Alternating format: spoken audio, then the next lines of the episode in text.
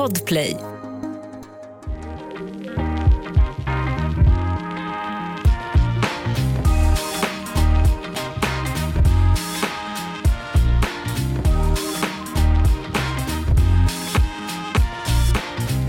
Hej och välkomna till ett nytt avsnitt av Gravid. Och det här avsnittet blir väldigt speciellt. Eh, för Amanda har fött barn. Ja. Eh, de kommande avsnitten blir också väldigt speciella för det var ju inte meningen att hon skulle komma nu. Så Nej. När vi pratar i framtiden så är det ju verkligen... Ja, då trodde jag ju inte att jag skulle vara förlöst och ehm, så. Nej. Men eh, vi tänker, det är väl nice att få vara med i realtid och det här är ju direkt från sjukhuset så att vi tänker att vi kör då det som blir Ja. min förlossningsberättelse även om jag knappt själv har hunnit landa i det. Nej, jag förstår det. Nej, men eh, det här avsnittet blir som sagt en förlossningsberättelse. Och ja, man är ju nyfiken på allt, såklart. Ja. Mm. Okej, då kör Okej, vi. då kör vi. Alltså det började väl för två veckor sedan kan man säga. Eller så här, under hela graviditeten har jag varit så här, fan, mardröm att föda för tidigt. Det har verkligen varit det som jag absolut inte vill. Och jag har också inte riktigt, alltså jag har aldrig ens hört talas om neonatalvård innan typ vecka 20. Är det sant? Ja. Alltså jag visste Oj. inte, jag, förutom att du har haft en kompis som har fött för tidigt, så har jag liksom inte ens Ja. tänkt att det går. Alltså jag, jag, jag liksom Vadå, det går, går vad då? nej men att barnen kan komma för tidigt. Aha. Jag har liksom, det har varit helt främmande för mig. ah, ah. Men sen så när du började berätta om kompis och så, så har jag ju fattat lite att det kan hända och då har jag verkligen så här, fan, det där, vilken jävla mardröm, det ska aldrig hända mig. Ja, det finns ju olika nivåer på det där. Ja, För så här, jag har ju berättat om en kompis som de födde liksom fyra månader för tidigt och det resulterade i liksom ol- olika komplikationer och så. ja, ja. Och det kan ju absolut hända, men, men eh, det är ju kanske inte riktigt ditt fall direkt, för att du var ju, var ju inte, du var inte så tidig. Nej, hon blev sju veckor tidig och det började, det var typ två veckor sedan så, började, så märkte jag att jag fick lite bruna flytningar. Eh, och dessutom så började jag få ganska ont i liksom, magen och ryggen. Eh, men Mm. jag trodde att det bara var, för jag har ju haft en väldigt fysiskt lätt graviditet. Eh, så jag trodde Ja. att det bara var det. Ja, men så här, nu börjar jag bli höggravid och liksom, då Anna pratar om att det gör ont och liksom, ja, det är väl bara så det är. Eh, Fan vad svårt att liksom bedöma vilka smärtor är vanliga, vilka Ja. smärtor, alltså hur ska det kännas exakt och Ja. när, ska det, när ska man veta att det är dålig smärta typ? Precis, och också vara Ah. så jävla ansvarig och ensam för att känna efter den här skiten. Mm. Ehm, men så fick jag det och så var det också lite så här slemmigt på mina flytningar. Ehm, och då så, jag har inte haft jätte... Alltså för, så här, jag skulle egentligen ha förlossningskurs nästa vecka. Så att jag har liksom, och tanken var också att jag i veckan då, typ dagen innan hon föddes, att jag då skulle ha semester och börja förbereda mig inför förlossningen. Så att jag har liksom Ja. inte riktigt varit där i tanken. Nej. men då när det här slemmet började komma så började jag googla lite på det och bara fan, Va- slempropp. Men vadå, vänta, vad är, det, alltså, är inte flytningar ganska slemmiga? Jo men det här var verkligen Generellt. som en manet nästan. Ja. eh, ja, men det var verkligen en skillnad i hur jag upplevt att det var tidigare. Eh, Okej. Och så var det så typ två veckor, som sagt jag hade ont, jag jobbade på ganska mycket för jag höll på att starta min glassbrygga. Eh, och så tänkte jag så ja men fan, okej jag vet det här är inte bra liksom, men jag vet ändå att om en vecka så kommer jag bli ledig så att då kan jag börja pusta ut. Mm. Eh, och så, jag har ju haft moderkakan i framvägg så att jag inte har känt så mycket rörelser. Och då så fick jag göra av en slump ett ul- ultraljud för typ tre veckor sedan eller något sånt. Och då Ja, för upptäck- du var ju inne eh, två gånger för att kolla, Ja. bara så att barnet inte var dött, liksom. Precis. Ja. Typ. Eh, Ja. Och då så första gången fick jag bara göra sån CTG-mätning när man har såna eh, puckar på magen och liksom kolla hjärtljud. Men andra gången jag var inne så fick jag göra ett ultraljud. Och då så de bara, nej men hon verkar må jättebra och hon är lite liten, hon följer sin kurva men liksom, vi vill ändå att du kollar upp det här om två veckor för att, ehm, ja, så att det inte blir något, något annat som händer. Mhm. Och då så kom jag dit om två veckor, eh, för två veckor sedan och idag när vi spelar in då är det fredag och det här var ju då för tisdag för en dryg vecka sedan. Eh, och så, eh, så kollade hon på henne och då så hade hon, först var hon minus 15 procent på kurvan och sen så nu när jag mätte så var hon nästan minus 40 procent och han har liksom inte växt någonting. Eh, Jävlar vad sjukt. Ja, och då 40 blev jag procent är också väldigt mycket. Ja, det är nästan en halv en. Halv en. Eh, Ah. Och dessutom så sa jag att jag hade haft lite ont och lite så bruna flytningar, så hon bara, "Ja, men vi kollar din livmodertapp också. Ehm, och så de, det, var, det var två läkare som gjorde det här ultraljudet och de pratade massa läkespråk, men jag märkte liksom, hmm, det är någonting som inte är riktigt helt bra. Eh, och sen så när jag låg där i gynstolen så frågade hon, har du gjort några operationer på livmodern? Eh, och jag bara, nej, och då förstod jag att det var inte heller bra. Och sen så, så här, Va? bara, Va, va, det var inte heller bra? Nej, men eftersom du? att hon frågade så här, har du gjort någon operation? Då skulle det kunna vara en anledning till att det var någonting som var förändrat. Men eftersom att jag inte hade gjort någon Ah. operation så fattade jag ganska snabbt att okej, det här är något som avviker. Ja, okej, shit. Ehm, men då så, så satte jag mig upp och hon bara, har du en, eh, är du partner med någon? Eh, så vi ringer upp honom tillsammans så kan jag berätta för er båda. Eh, och då så ringde vi upp Viktor så som tur var svarade, för han är ju sämst på att svara i telefon och jag hade sagt till honom, jag bara, du sätt din jobblur så kan jag ringa den i nödfall liksom. Och det hade inte han Ja. gjort, men som tur var var han på lunch och svarade på sin privata telefon. Men så, så hon bara, ja, eh, bebisen är lite liten och det i samband med att du har faktiskt regelbundna sammandragningar, kunde de då mäta på den här CTG'n, och att livmodertappen är lite för kort, eh, gör att jag tycker att du ska bli inlagd. Så jag blev ju, det här kanske jag sa i förra veckan, men ni får ursäkta. Eh, jag blev liksom akut inlagd. Eh, Du hade väl- liksom förlossningen startat? Jag vet inte, men det var liksom som att tappen var så pass kort så att det ska inte vara så där förrän några dagar innan barnet ska komma. Ah, okej. Ehm, och så- jag vet inte, alltså jag tycker det är väldigt svårt att skilja på verkar, sammandragningar, förverkar, men det var någonting som var lite för regelbundet tror jag, eh, med i förhållande till att förlossningen inte skulle ha startat. Ja, ja. Och då åkte Viktor in. Ja, jag började storgråta, det var ju som en total chock. Jag skulle egentligen iväg på en lunchmöte och liksom planera glassbryggan. Eh, jag skulle inte alls bli inlagd på sjukhus. Ehm, men så blev jag det och så gick det väldigt, väldigt fort. Jag fick göra sådär, mitt första coronatest. Fan vad hemskt Ja. det var. Eh, och så fick Det är jag... kul att du kan säga det nu, Ja, jag nu efter allt, att Ja. du ändå kan säga att det var väldigt hemskt. Ja, det var väldigt hemskt. Eh, och sen så fick jag, eh, de tog massa prover, blodprover, de liksom tog mitt blodtryck, eh, de, jag fick någon, eh, ganska snabbt en sån här spruta ifall att barnet skulle komma för att påskynda lungmognaden. Eh, Mm. Och sen så fick jag ett rum uppe på förlossningen, inte ett förlossningsrum men ett vårdrum. Och där fick jag ligga med så här droppverksstoppande dropp i 48 timmar. Oh, shit. Och som sagt, det här gick ju ändå på någon timme liksom. Så att, Oj jävlar vad sjukt. ja. Usch, vilken, vilken fruktansvärd chock. Ja. Ja, du måste varit så förvirrad. Ja, men alltså den här veckan har ju varit helvetet på jorden verkligen. Ja, Eh, ja. och också där, jag är ju väldigt, alltså jag tycker ju väldigt mycket om att röra på mig. Jag kände hur jag blev så jävla sjuk av att ligga på sjukhus i tre dagar för att jag fick, alltså jag fick tillsägelse så här, sitt inte på huk för då kan du starta igång någonting. Ja, du får gå inte för fort, liksom, eh, Mm. ta inte på brösten för det kan starta igång förlossningen. Men så fort de satte in verkdroppet så kände jag att det gjorde mindre ont och det var väldigt, väldigt skönt. Eh, Ja. För jag sa ju det till dig innan vi började spela in, men nu efter jag gjort kejsarsnitt, så det säger ju folk gör väldigt ont, men alltså de verkarna jag hade gjorde mycket, mycket ondare. Du måste ha så sjukt hög smärttröskel. Jag har tänkt på det många gånger, att du, så här, ja, men du har ju klagat lite grann, men liksom Mm. knappt något. Ja, ja jo, jag antar det, för det, men som sagt, som sagt, det är så himla svårt, och man har ju inget att jämföra med. Men Nej, jag har nej. verkligen, alltså jag har haft svårt att sova och vaknat av att jag haft ont och liksom, ja. Mm. Ehm, ah, nej, men så kom Viktor på eftermiddagen, han avslutade lite jobb, var ju, blev ju såklart också livrädd. Eh, och, sen så, och där och då var det liksom bara en timme i taget. De, eller, ja, jag fick det där droppet och sen så kollade de på, på bebisens hjärtljud och så.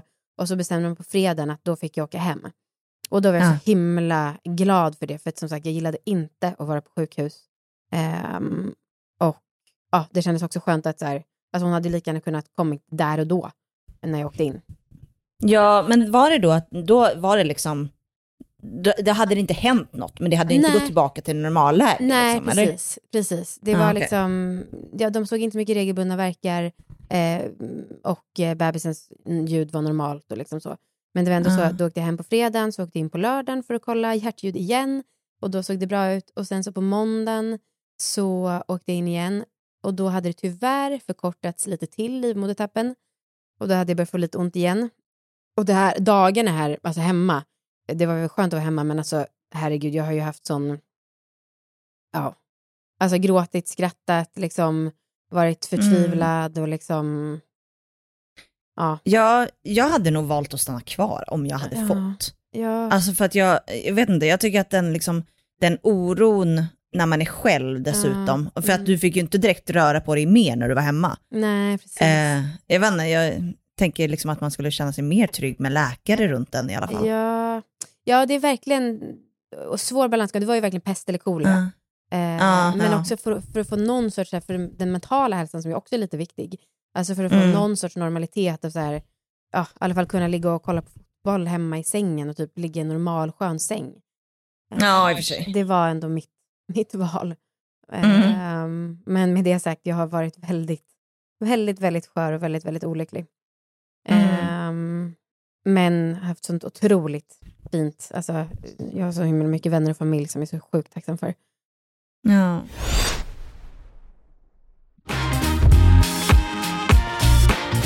Ja, men så, ja, precis. Måndagen kom in, då var det lite förkortat. Jag blev jätteledsen igen. Ehm, och sen så, men de bara, men så här, vi gör så här, du får åka hem om du vill. Du kommer hit imorgon igen. Eh, och så ser vi hur det är då. Ehm, och då så kom jag dit på tisdagen, gjorde exakt samma sak, ultraljud, alltså för då mäter de också flödena så att moderkakan fungerar och så. Okej. Eh, och då när jag kom in på tisdagen var jag verkligen ett vrak. Alltså då bara grät och grät och grät och grät jag för att det var sån jävla mental terror. Alltså jag var så rädd för att gå på toa, för jag var så rädd att det skulle ha hunnit börja gå något vatten, jag var så rädd för att det skulle komma blod, jag var så rädd för att behöva känna efter hela tiden. Åh Mm. gud, alltså det här är verkligen den största krisen jag har någonsin genomgått. Ehm, Mm. men så var det oförändrat då på tisdagen. Eh, och då sa läkaren så här, ah, det är lite samma sak igen, så här, vi ses på fredag för jag vill inte hålla på och bråka med magen för mycket och göra fler ultraljud för det också så här, kan vara lite känsligt.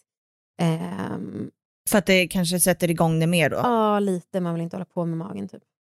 Nej. Eh, hon bara, men om det är någonting så här, för jag frågade hur mycket Alvedon kan jag ta hon bara, du kan ta full dos men jag tycker att det är liksom en varningssignal om du känner att du behöver det. Just det. Ehm, men hon bara, men åk hem du och så ses vi på fredag och eh, om det är någonting som förändras, minsta lilla, då ringer du. Jag bara okej. Och så kom jag, åkte jag hem där eh, på eh, tisdag, ja det var tisdagen, ja precis. Eh, och så fick jag för första gången så här sjuktaxi och det var liksom en timme sent och sen så var det så mycket köer så att det tog en timme i taxin så jag hade så jävla ont när jag åkte hem. Men hade du inte så ont på sjukan då? Nej, men det, just åka bil har varit jävligt jobbigt. Ja, ah, okej. Eh, nej, då var det ganska lugnt faktiskt. Ehm, men sen så kom jag hem och så var jag så sjukt glad för att här, okej, tre dagars fri, eh, fri twist, eller vad man ska säga. Det kändes som att okej, nu kommer hon ligga kvar i magen tre dagar till. För de snackar också om att så här, varje timme, varje dag är viktig att hon ligger kvar. Det är liksom en Mm. seger. Så vi gjorde en så här kalender hemma där vi kryssade för när hon skulle komma och varje dag som hade gått var bra. Ehm, och då, som sagt, åt jag två glassar, kände hur bara livet återvände, hade inget ont, allting var så himla skönt. Alltså jag var så jävla glad, jag låg och kollade på fotboll och det är så jävla nice för jag blev ju direkt sjukskriven men för Viktor, han bara, det hade varit drömmen om det var jag som var sjukskriven för det är liksom EM nu, kan jag ligga här framför sängen och kolla på fotboll. Jag önskar så att jag kunde ta din position. Men också så himla eh, skönt att eh, han, eh, för honom har det varit drömmen att jag har blivit lite lugnare och att vi kan spendera kvällarna med att kolla på fotboll typ. så det har ju varit, Kanske, inte, kanske inte drömmen. nej, kanske inte drömmen precis men ändå, eh, hade det varit jag hade jag bara så här, "Urr, när ska vi ha något roligt? Men och hur har det varit? För att, för att eh, ni fick ju liksom inte eh, umgås eller vara nära varandra så mycket för Jo, att liksom, men- det kunde starta förlossningen. Ja, precis. Oxytocin. Nej, men jag frågade läkaren om det och hon bara, "Pff, helt ovetenskapligt, det är klart att du måste må bra och kunna vara närmare din kille. Ja, okej. Så ni har liksom vågat röra varandra och Ja. kyssa varandra och så? Ja. Ja, okej. Ja. Ehm, Ja, men, thank God. Ja, ja, men som sagt, jag var så jävla lättad där i tisdags eh, och bara kände att jag fick en liten andningspaus. Mm. Och så skulle jag gå och lägga mig. Eh, så låg jag och läste, klockan var kvart i tolv. Och så kände jag att någonting rann till mellan benen och så tog jag dit händerna och så såg jag att det var blod. Och fy fan vilken mardröm. Ehm, och jag bara, Herregud. Viktor, så här, fuck, fuck, fuck, fuck, fuck, jag blöder. Ehm, Ja. Och ehm, Tänk, tänk, tänkte du det värsta tänkbara? jag vet inte vad jag tänkte, men jag tänkte att det var så himla, jag vet inte, jo men jag antar det. Mm. Och sen Anna, jag tänker faktiskt jag skickar en bild till dig om du vill se för live-reaktioner. Jag tog bild För då så bara, jag gick upp till bad, eller närmade mig badrummet och bara sa till Viktor, ge mig telefonen, vi måste ringa förlossningen. Mm. Eh, och Viktor blev helt eh, chockad såklart. Um, och så ringde förlossningen och de bara okej, okay, ring en ambulans, ring 112. Um, och jag bara stod där och blödde och skakade och ändå sa till Viktor, packa det här, packa det här, packa det här. Och, Och det sen- rann det liksom? Ja, nu skickar jag till dig, jag hoppas att du tycker att det är OK. Men det var ganska mycket blod. Eh, Vänta, du, du tog en bild i, i ja, den men här... jag tror att... Alltså, Alltså, du- det var inte direkt för. Instagram, men det var ju för... Alltså, jag tänker att det var typ smart att ha i vårdsyfte, att de skulle veta. Åh jävlar! Ja, Ja. okej. Ja, det är ganska mycket. Oh shit, ja det är um, splatter, Ja, splatterfilms mycket. Precis, och så stod jag och liksom höll för med handen för att stoppa det på något sätt. Och så när jag inte gjorde det, då kom ju den där klumpen också. Typ en halv deciliter torkat blod. Ah. Ah, ehm, ja, och så ambulansen var där inom typ fem minuter. Våra katter Mm. började tvätta golvet och försöka slicka upp lite blod. Åh gud! Eh, och Viktor, jag bara, men så här, Viktor, eh, typ, ska inte du ha några grejer? För han hade ändå packat, men ja, jag vet inte, han blev så himla rädd så han bara, nej, nej, jag klarar mig. Jag bara, men ska du inte ha en tandborste eller kalsonger eller någonting? Han bara, nej, nej, jag behöver ingenting. Hade du ont? Eh, nej, det var det, jag hade noll ont. Det var jätteknäppt. För det var också det de frågade både om på förlossningen och ambulansen. Liksom. Ehm, och sen så jag lyckades gå in och duscha av mig lite blod för det är ju så jävla klistrigt med blod. Eh, ja, ehm, och så sa jag till Viktor, jag bara, Viktor, jag tror att det här kommer innebära att det blir ett omedelbart kejsarsnitt. Och det lilla jag har läst om det är att då kommer jag sövas. Ja. Ehm, så kom ambulansen, helt otrolig personal där också. Ehm, och så här, jättelugn och jättegulliga. Och, alltså, så här, för jag ändå var ju så här att jag bara, men jag, jag sätter mig själv här, jag lägger mig själv här. Och de bara, eh, du, vi, vi lyfter dig. Ehm, och sen så eh, kom de in, kom in ambulansen och jag låg där på den här britsen och ja, alla de här kontrollerna, blodtryck, syre, puls, bla bla bla. Och då Ja. började skaka som, alltså, som ett asplöv. Alltså jag fick så mycket eftersläpp av adrenalinet och var så nervös och så chockad och hyperventilera. Mm. Ehm, och så sa de där framifrån, han bara, hur snabbt vill du att vi ska köra? Så han till sin, han som var med mig. Han bara, nej men så här, lugnt men bränn på. Och de bara, okej Amanda, nu kommer vi sätta på blåljus. Det betyder inte att det är extra allvarligt. Det här är ingen förlossning som startat, men bara så du vet, vi kommer göra det. Nej vad fint att de informerade om det. Ja, han var jätte, jätte, jätte, jättebra. Ehm, Gud vad bra. Och sen så kom vi hit till eh, BB Stockholm och så blev jag direkt undersökt och fick direkt blodstoppande medicin. Och då så gjorde de det här ultraljudet igen som jag ju hade gjort samma dag. Och det var liksom inte, de kunde inte se där varför det blödde. De kunde inte Nej. se um, eh, något blod i moderkakan, livmodertappen var oförändrad. Ingen vet varför det då varför det började blöda. Ja. Och så snackade vi lite med dem, men så här, vi bara, nu kanske vi ska ställa in oss på att inte åka hem utan en bebis. Och de bara, ja det kan nog vara klokt. Eh, och sen så på morgonen hade jag, eller nej, jag hade jättesvårt att sova för jag hade så jävla ont och det var ganska svårt att mäta hjärtljuden när jag låg i olika positioner. Eh, så då åt, än en gång fick jag så här Bricanyl för att verkstoppande och det direkt bara kände jag en sån jävla relief i kroppen. Mm. Men hade ni då liksom släppt några far, farhågor om att det skulle vara dött barn? Ja, för då hade de ju kollat, ultraljud kollade de ju direkt och bara, jag le- Ja. då frågade lever hon liksom? Och de bara, Ja, ja, ja. hon ser, och hjärtljuden var bra. Ja, okej. Mm. Eh, ja, men så lyckades jag sova några timmar eh, och så kom det in en barnmorska som bara, nej men typ om det är så nu att du, du verkar ha slutat blöda och då kan det nog vara så att ni kanske får åka hem igen. Och jag bara, okej. Herregud. Eh, men då hade jag ändå börjat fasta ifall att jag skulle göra kejsarsnitt. Eh, Ja. Och så, de, så fick vi byta rum. Eh, och sen så vid nio när de hade sitt läkarmöte så hade barnmorskan hört lite vad de hade snackat om. Och då var det några minuter när hjärtljuden var lite ändrade.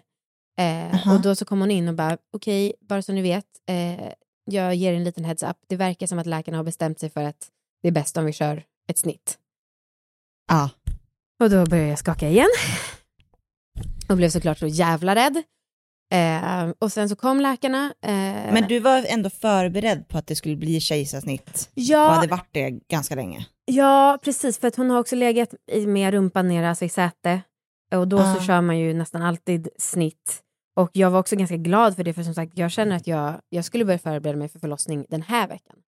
Eh, Ja. Jag var liksom noll redo att föda vaginalt. Ehm, så att jag hade ändå börjat räkna med det. Men jag hade ändå inte, för jag hade inte heller tagit till mig så mycket så här info om vad innebär ett kejsarsnitt. Vad, vad innebär det om barnet kommer för tidigt? För jag ville inte riktigt det, för det kändes som att typ acceptera att det skulle bli så. Mm. Ja, du är inte direkt en sån som liksom läser på och liksom försöker planera för det värsta. Nej, nej, nej. precis. Det är jag inte. Så hellre bara blunda och liksom tänka det kommer inte ske. ja. Eh, mm. ja, men så kom läkarna in och de pratade jättelugnt och så här, ah, nej, men med tanke på den här historiken, för vi misstänker att du kan ha börjat blöda för att moderkakan har börjat släppa. Att det är också därför, för jag har haft bra blodtryck men det har ändå varit ganska, det har liksom ökat. Eh, mm. Och framförallt i förhållande till hur det var för några månader sedan. Eh, och det är inte bra att moderkakan börjar släppa? Nej, det är inte bra för då så kan hon inte få någon näring och så. Och just det, och också i kombination med att de trodde att hon var tillväxthämmad. Uh. Um, och så ju mer de pratade, så här, för det här var en, pratade de med oss fem minuter, och samtidigt så ringde telefonen och bara, ja, nej, men är ni redo för patienten? Och jag bara, vänta, patienten, är det jag? Och då började vi liksom mm. fatta ganska snabbt, okej, okay, det här kommer ske nu. Det är inte att vi pratar om i eftermiddag, utan det är nu. Eh, så fortsatte de prata lite, ja, och sen så efter snittet då kommer du ligga på uppvak, Amanda, och Viktor, du kommer få gå iväg med bebisen. Eh, och sen så kommer ni liksom återförenas där. Eh, mm. Och jag bara så här, kan jag borsta tänderna? De bara, nej. Jag bara, okej, okay, eh, toa? De bara, okej, okay, gå på toa liksom. Och sen så var det över den här sjukhussängen och rullas iväg till britsen. Jag och Viktor kramade varandra, grät bara, vi älskar dig, älskar dig, älskar dig, älskar dig. Eh, var så oh, jävla rädda. Eh, och det, oh, alltså, ja, men mitt, mitt i allt det här var det ju liksom någonting som var lite spännande. För att, så här, då hade vi bestämt träff med kuratorn och han kom in där samtidigt som jag bara, hej då, rullades iväg på britsen in i ett operationsbord. Och så hade de också förklarat för oss att eh, ja, men det är ganska många människor här inne på operationssalen och det är ett gäng som är så att säga sterilt och de stod liksom i hörnan och höll sig i vägen för att de bara skulle göra alla kirurgiska ingrepp. Och sen så är det ett annat gäng som gör det här. Mm. Och allting gick så jävla fort. Alltså, ja. För de sa det också, när vi har börjat då är det en halvtimme tills bebisen är ute. Eh, och, men det gick så fort, alltså, de, tog som, ja, de gav mig mediciner, de satte in infarter för dropp, eh, de bad mig kuta med ryggen för att få lokalbedövning innan ryggmärgsbedövningen skulle in. Eh, och jag var, ju, alltså, jag var ju mest rädd för dels den här ryggmärgsbedövningen för att jag ja, tycker att det känns läskigt. Ja. Eh, och också, alltså, helt ärligt, jag var noll peppad på att träffa bebisen, eller noll. Det kändes ju skönt att äntligen få ett beslut, men det var, jag var så himla rädd för att hon skulle se så läskig ut eftersom att hon var dels för tidigt född och också för att hon då var tillväxthämmad. Så både jag och Viktor pratade bara, hur fan ska vi liksom kunna älska den här lilla klumpen om hon ser ut som ett missfoster? Ja, men det har verkligen varit så. Det, jag, ja, jag har känt så. Um, uh, men så rullades jag in där och som sagt, de höll på massa. Det var helt, jag kände att okay, nu kommer det bli lite varmt från eh, ryggmärgsbedövningen. Och det var helt sjukt, alltså var så där lam. Alltså, det var kolsyra i hela kroppen, jag kände ingenting, blev helt groggy. Ja. Uh, och det var väldigt, väldigt skönt, för jag trodde att det skulle vara obehagligt också när de höll på att böka i magen, men det var kändes liksom ingenting alls. Och Viktor satt där på, eh, vi fick ju inte se in i magen utan det var ett skynke emellan eh, och Viktor satt på min sida skynket.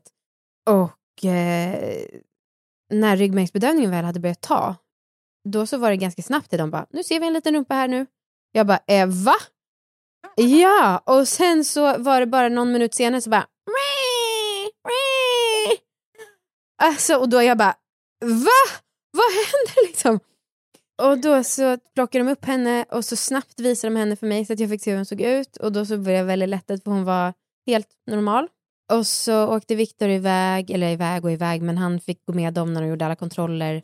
Och så fick hon, man får något så betyg på hur frisk man är. Jag vet inte, hon fick nio av tio så det var ändå ganska bra. Eh, uh, Viktor fick byta blöja, jag fick ligga och vara groggy på uppvaket och det var så jävla skönt att bara vara lite dåsig och borta. Typ. Och också eftersom att jag hade fått se henne så kände jag okej, okay, men hon, är, hon ser i alla fall vanlig ut. Uh, och då så smsade jag i alla och bara, vi är föräldrar. alltså, herregud.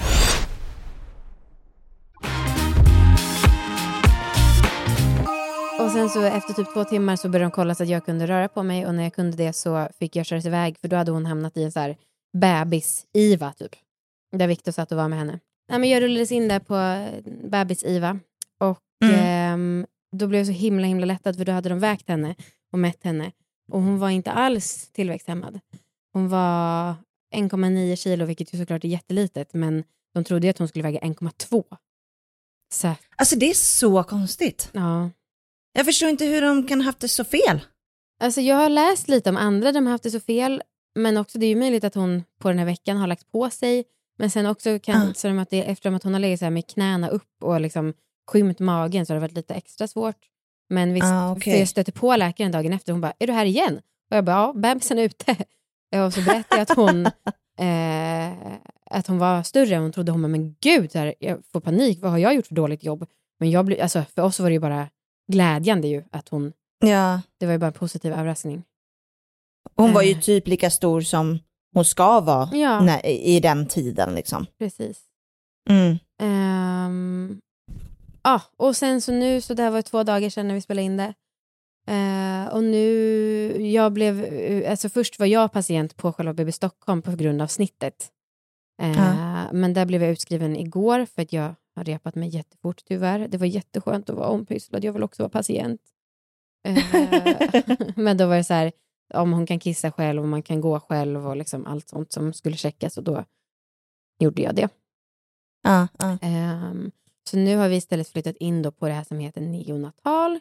Ehm, Okej. Och då så ligger ja, Hedda, som hon heter, bebisen, eh, hon ligger mestadels i en värmesäng.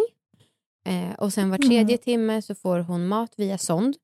Eh, och så kollar man hennes temperatur och så kollar, byter man hennes blöja och så lite så. Ehm, Är ni med då liksom? vi, det är det som är så lyxigt med att hon nu får ligga. Som sagt, hon är tillräckligt, hon skulle inte behöva ligga på IVA. Utan hon, har Nej. liksom, hon kan andas, hon kan allt det där. Eh, men just eftersom att de inte har någon som kan hjälpa till oss om vi får över henne, så får hon vara kvar där. Och det är ganska skönt, för nu så kan vi säga så här, okej vi kommer till åtta passet, vi kommer till två passet. Men så Ah, kan vi okej. också få en liten paus. Så jag och Victor hade nyss dejt och åt en glass. Nämen! Eh, och det, jag, jag är så extremt stressad för då ska vi liksom klara av, då ska vi sondmata henne, då ska vi liksom ta, då ska vi tvätta henne, då ska vi ta hennes temperatur. Alltså jag måste Ah. pumpa var tredje timme. Ugh. Men eh, Ja, det, det är jävla tur att ni är lediga. Ja, och det räknas tydligen som vab nu. Vi har liksom, det är inte föräldradagar utan det är. Så det är väldigt bra. Eh, och de är också så här, nej men ni kommer klara det här galant och, men, eh, och ni kan få hjälp här. Och det är ju också, någonstans är det så jävla lyxigt för att vi får, eh, ja men vi har ju barnvakt direkt. Hjälper lite med det. Och jag var så här, men hur gör, nu är förvisso vår bebis lite så här, kanske lite speciella behov av vård, fast det enda hon behöver göra egentligen det är att ligga still så att hon växer. Alltså hon ska inte Mm. hålla på och sprattla, hon ska liksom inte få någon stimulans. Eh, Jaha. för att då så, man vill typ leka att hon är livmodern ganska, kanske en månad till. Eh, Oj! Ja, så att hon, vill, hon ska ha det mörkt och tyst och vad, när man flyttar henne då ska man hålla ihop henne för att de här som kallas prematura bebisar, de, om de rör på sig för mycket då förlorar de så mycket energi eh, Ah. och känner sig otrygga. Och eftersom att all energi Aha. för henne är viktig för att gå upp i vikt så ska man hålla henne som, alltså det är typ som att hon har ett, vad heter det, fångskjorta, nej, sån eh, tvångströja. Hon har inte det på sig, men det är typ som att det skulle vara bra om hon hade det. Oj, vad sjukt. Jag vet, och det är inte det man tänker. Man tänker att bebisen ska hålla på och liksom greppa med händerna och så. Ja, ja, jag tänkte att den skulle liksom, att hon skulle eh, alltså, träna med hantlar. nej, Alltså, liksom, nej, nej. nu inte, jävlar bygger muskler. Inte alls, utan det är verkligen så här, de vill också att om man nu, för vi får själva välja hur mycket vi vill vara där. Och om vi Ah. kommer, då vill de liksom att, ja men är gärna här två, tre timmar i alla fall och sitt med henne, för vi vill inte hålla på och förflytta henne för mycket. Mm. Eh, för då är, alltså, hon, blir, hon är väldigt lugn när hon bara ligger och sover, men sen så, så fort om man ska mäta hennes temp, då tycker hon att det är obehagligt. Och, eh, om hon Mm. ska flyttas, då tycker hon att det är obehagligt. Och som sagt, man ska liksom bara hålla på henne med bestämt grepp, så att hon, så att hon känner att det finns motstånd och tror att hon är livmodern fortfarande. Åh. Ja, så det är väldigt tråkig bebis, men mm. ja, nej, det är synd att hon har fötts som en sån tråkmåns. Men all, man, kan, all, man kan inte ha alla sådana fina egenskaper i början. Nej, det, men- kom, det får komma Det sen. får komma, hon får växa fram. Men precis, och det är också för det, alltså så här, nu jag har, ah, ja, när jag har gråtit så mycket såklart och jag har varit så stressad över amning och liksom allt sånt där. Men jag har också bara, hur fan, nu det är som att vi ändå är typ fyra personer på en liten två kilos klump. Eh, Ja. Och jag bara så här, hur gör folk? Alltså jag och Victor kommer ändå vara tillsammans hemma fyra månader. Eh, och nu får vi hjälp med Mm. Alltså allting. tack och lov för det. Ja. Men, Mm. men, liksom, det, men det är också lite, vi får ju någonstans får vi så här en föräldrakurs gratis. Eh, Ja. Alltså för att, eftersom att vi får vara här i två veckor och får lära oss exakt allt hur man gör. Men Just det. ja, jag har haft, ja, jag fattar ingenting. Nej. Ingen, det- ingen, ingenting. Nej. Det, det, kommer ju, det kommer ju vara jättekonstigt för er när ni kommer hem också, oavsett om ni har varit där två veckor. Ja. Men jag antar att det ingår i Ja, att föda ut och sen åka hem. ja, men ja, Mm. precis. Eh, men just det här med att när man flyttar henne, när man byter blöja, så gärna så här, hålla ihop armarna så att inte de ligger och sprattlar. Och då måste man ju faktiskt ha fler händer just fysiskt. Ja, just det. Men, och du vet, jag Shit. har ändå trott att jag skulle vara... Eh, ja, men jag vågar ju säga sådana saker som att jag var rädd för min... För att träffa henne och så, för att hon skulle vara äcklig. Och jag... eh, Ja, jag vågar ju oftast, eller jag är ju inte jätte... mm, Jag vet inte, jag är ganska motståndskraftig till vissa normer ibland. Eh, så. Men alltså det här som alla pratar om med amningen. Mm. Äh, fy fan! Alltså, det har bara gått två dagar och jag har redan panik för hur det ska gå och liksom känna sig dålig och allt sånt där. Är det sant? Ja. Hur Men känns det då när hon ammar? Nej men nu har jag, mina bröst är så fucking spända för jag har fått hjälp med en elektrisk bröstpump så jag börjar pumpa ut så här råmjölk. Ehm, Men eh, det är liksom, för det finns ett, en perm här med information till föräldrarna och den är på Ja. riktigt, det är så här 70% som handlar om amningen. Alltså det är verkligen... Jävlar. Ja. Och så är det så här, du ska göra det var tredje timme och gärna även på natten. Och liksom, det är så viktigt att komma igång. Ja, så att jag är livrädd för det där. Sen så är det också vissa sköterskor som är jättegulliga som bara, det kanske inte går. Och då finns det jättebra ersättning. Men det är ändå Ja. väldigt svårt att inte bli stressad över det. Är, är det viktigt för henne, för Hedda att få liksom, Ja, bröstmjölk? ja, alltså som hon lär ju hon För- kommer ju säkert överleva ändå, men det verkar viktigt. Ja. Ja. Ja. Ja, usch. Ja, men man, du får göra så som det går. Skulle du må allt för dåligt, då, men då får, får du väl liksom pausa och köra ersättning ett tag. Ja, ja, Ja. precis. Och sen så prognosen är ju att vi bara är här kanske en, två veckor till. Eh, och Mm. sen kommer vi få hemsjukvård. Men då ska vi också kunna allt det här med att mata henne genom sond och liksom, sådana saker. Och sond vill man ha för att vara säker på att maten kommer i magen. För att de, eftersom att hon är så, egentligen ska vara i magen så är det inte säkert att hon tillgodoser sig den energin som hon eventuellt får i sig via amning. Så att man vill liksom placera Ah, okej. det direkt i magen för att veta att det ger effekt. Ja, ja, ja. Eh, Och det skulle hon ha ett tag? Ja, tror, det kommer hon troligtvis ha i två månader. Ja, shit. Samtidigt som hon lär sig amma och sånt. Wow. Mamman. Ja, Mamman Koldén. ja. Har du liksom börjat förstått det? Alltså det var, första dagen var jag så sjukt glad och lättad och drogad. Ehm, igår så liksom, alltså för det är som att jag liksom knappt orkar tänka på henne eller se på henne. Eller jo, se på henne gör jag verkligen, men jag börjar bara gråta då. Då så börjar jag gråta och skratta och bli rörd och älskar henne och då ser det så ont i såret. Så jag orkar liksom inte, jag orkar liksom inte känna för mycket. Men Nej. jag, eh, jo. Och så mm, min lilla bebis, alltså det är så jävla sjukt. Jo. Min alldeles Åh. egna. Alltså det är helt otroligt att det har gått så bra. Ja. Alltså det är så ofattbart efter liksom all den här draman och allt. Är det har verkligen ja, varit fruktansvärt Ja, förlopp det var och så har, så har allt gått bra. Ja, jag vet. Det är helt sjukt. Så, Åh, det, jag har aldrig varit med om sån psykisk terror någonsin. Nej. Nej, det var till och med som att jag bara sa så här, Viktor, om något händer mig, jag älskar dig. Mm. Usch, hur mår Viktor i allt det här också? Jo, men han är helt fantastisk. Han blir mycket mer stressad när hon skriker än vad jag gör. Mm. Och nu blev väl jag lite det också kanske när de sa att det var dåligt att hon skriker. För jag tänker så här, bebisar skriker ju. Men just Mm. eftersom att hon behöver verkligen all energi till att växa så är det viktigt Mm. att lugna ner henne. Så hon har redan fått droger och smärtstillande. Just för hon, eftersom hon har legat som hon legat troligtvis många månader i magen så har hon väldigt ont i höften. Så hon vill liksom bara Mhm. ligga som en groda hela tiden och inte sträcka ut benen. Eh, Så då gör det ont på henne att byta blöja och så. Eh, Ja. Men och då så tycker Viktor att det är väldigt jobbigt när hon, han märker att hon har ont. Och jag blir inte riktigt lika stressad men som sagt det är tydligen viktigt att ja, dämpa det eftersom att det är energikrävande. Ja. Inte så mycket Och, energi. det, ko- reserv. och det kommer liksom gå över då, eller? ja, de räknar med det. Alltså, de flesta, Det Ja. brukar göra det för de flesta. De kommer kolla upp det om någon månad kanske, men förhoppningsvis. Ja. Och sen så gud, eftersom att vi ändå har alla våra ligg. Jag måste säga, hennes blygdläppar är det äckligaste jag sett i hela mitt liv. Alltså de är så svullna för hon har inte hunnit växa ikapp sitt kön. Så att hon har liksom en pung typ. Äh, det är så hemskt. Åh, stackarn. Men det är också tydligen normalt när man är för tidigt född. Men vadå, vadå att blygdläpparna är så stora och sen växer man in i, växer man Ja, i blygdläpparna? Hon har, liksom? inte, hon har inte en underutsfett så att det kommer liksom, hennes kropp kommer komma ikapp i proportionerna. Det är typ det enda som är oproportionerligt för henne. Jag trodde att hon skulle vara fett oproportionerlig överallt. Men alltså, det är som att hon har en boll där mitt på. Av blygdläppar. Jag ska ta ett kort så ska du få se. Men ja, det är hemskt. Förlåt Jättesynd att jag skrattar. Nej, det är jag som mobbar mitt barn. Det går bra.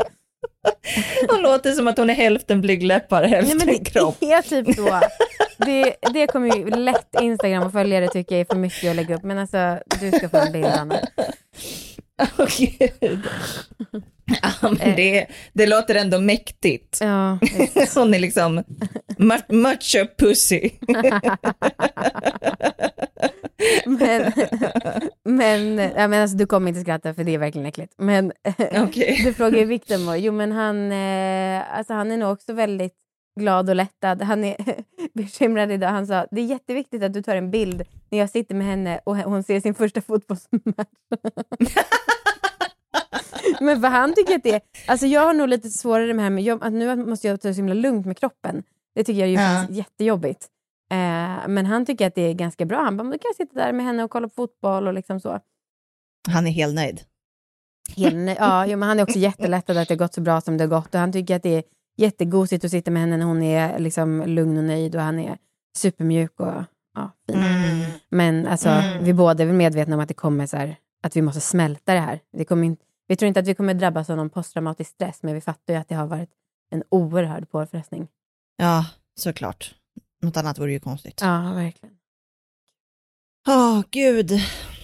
Shit, jag är helt eh, både svettig och matt av den här berättelsen. Ja, nu Mm. kommer han. Han har köpt sushi. Åh. Ja. Jag hoppas... Anna frågade precis, vi spelade in podden, hur du, må, hur du mår mitt i allt det här. Du kan få säga något själv kanske. Jo, men just nu mår jag bra. Nu har jag varit ute i solen, pratat med min kompis, pratat lite Mm. Sverige-Slovakien och lite Hedda. nu, nu mår jag bra. Det är ju tur att det är EM samtidigt som Eh, ni föder. Det är riktigt Ja. det. Ehm, Ja, men som sagt, helvetes vecka som är så jävla lättad över att det gick så bra som det gick. Och nu livrädd inför att klara av allt det själv. Och se inte fram, alltså som sagt, åtta veckor utan tungt lyft eller att springa. Ja, fy fan. Men men, det är väl bara att släppa det där och... Men vet du, Ja. det skrev jag också till er, att de upptäckte, eller sa så här, du är en sån person som har höjd risk för att få liksom, diabetes och blodtryck och sån skit. Eh, och det var ju det minst väntade någonsin för mig. Men, Ja, eh, du som är så stark och ja, men, välmående. precis, men det är väl och... därför de bara, men du har väl lyckats hålla dig i schack för att du har en bra livsstil. Men då är det så här, ändå får, då blir det så här, åtta veckor, hjälp, mitt blodtryck kommer stiga! Ja, men det är, ja, shit, du har ju till och med skrytit om att ditt blodtryck var så bra. nej, pulsen. Pulsen. Mm. Pulsen. Det kan jag gärna Oj. skryta lite mer om. Efter uppvaket, helt naturlig puls, 55 i vilopuls, vad är det med det? Ni som vet, ni vet.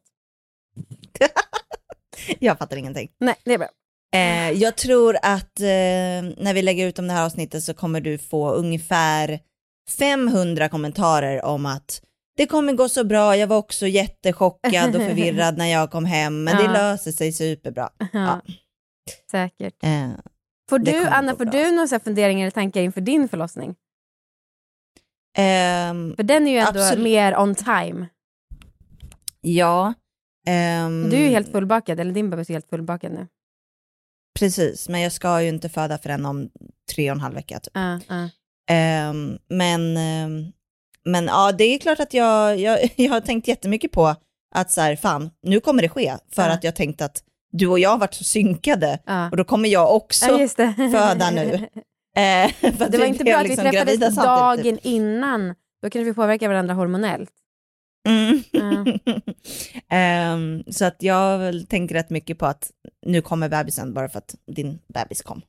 Ja, Men, ehm, ja. men annars, Det kan man ju tänka. mm. men annars mår jag bra. Ja, vad bra. Ja. Ja, tack för din förlossningsberättelse. Ja, tack själv. Eh, förlåt att jag har låtit så himla svag och hemsk för rösten. Och eh, hoppas att jag inte varit för osammanhängande, helt enkelt. Jag tycker, jag tycker att du har låtit snabb på rösten. Okej. Det hörs att du, det, du har haft mycket detaljer att berätta och velat få ur dig det snabbt. Ja, Ehm, så att nej, du låter inte alls särskilt medtagen, det är du ju såklart, men Mm. du låter inte särskilt skär nu, nej. tycker jag. nej. Nej. Ja du, hälsa Viktor och Hedda. Ja, Hälsa familjen, kan Och man ni- börja säga nu. ja precis. Eh, och ni Mm. som lyssnar på kommande avsnitt, eh, som sagt, det blir lite oordning, men så är det. Ja, så är det. Tack för att ni har eh, lyssnat. Tack så mycket, vi hörs nästa vecka. Det gör vi. Hej då. Puss!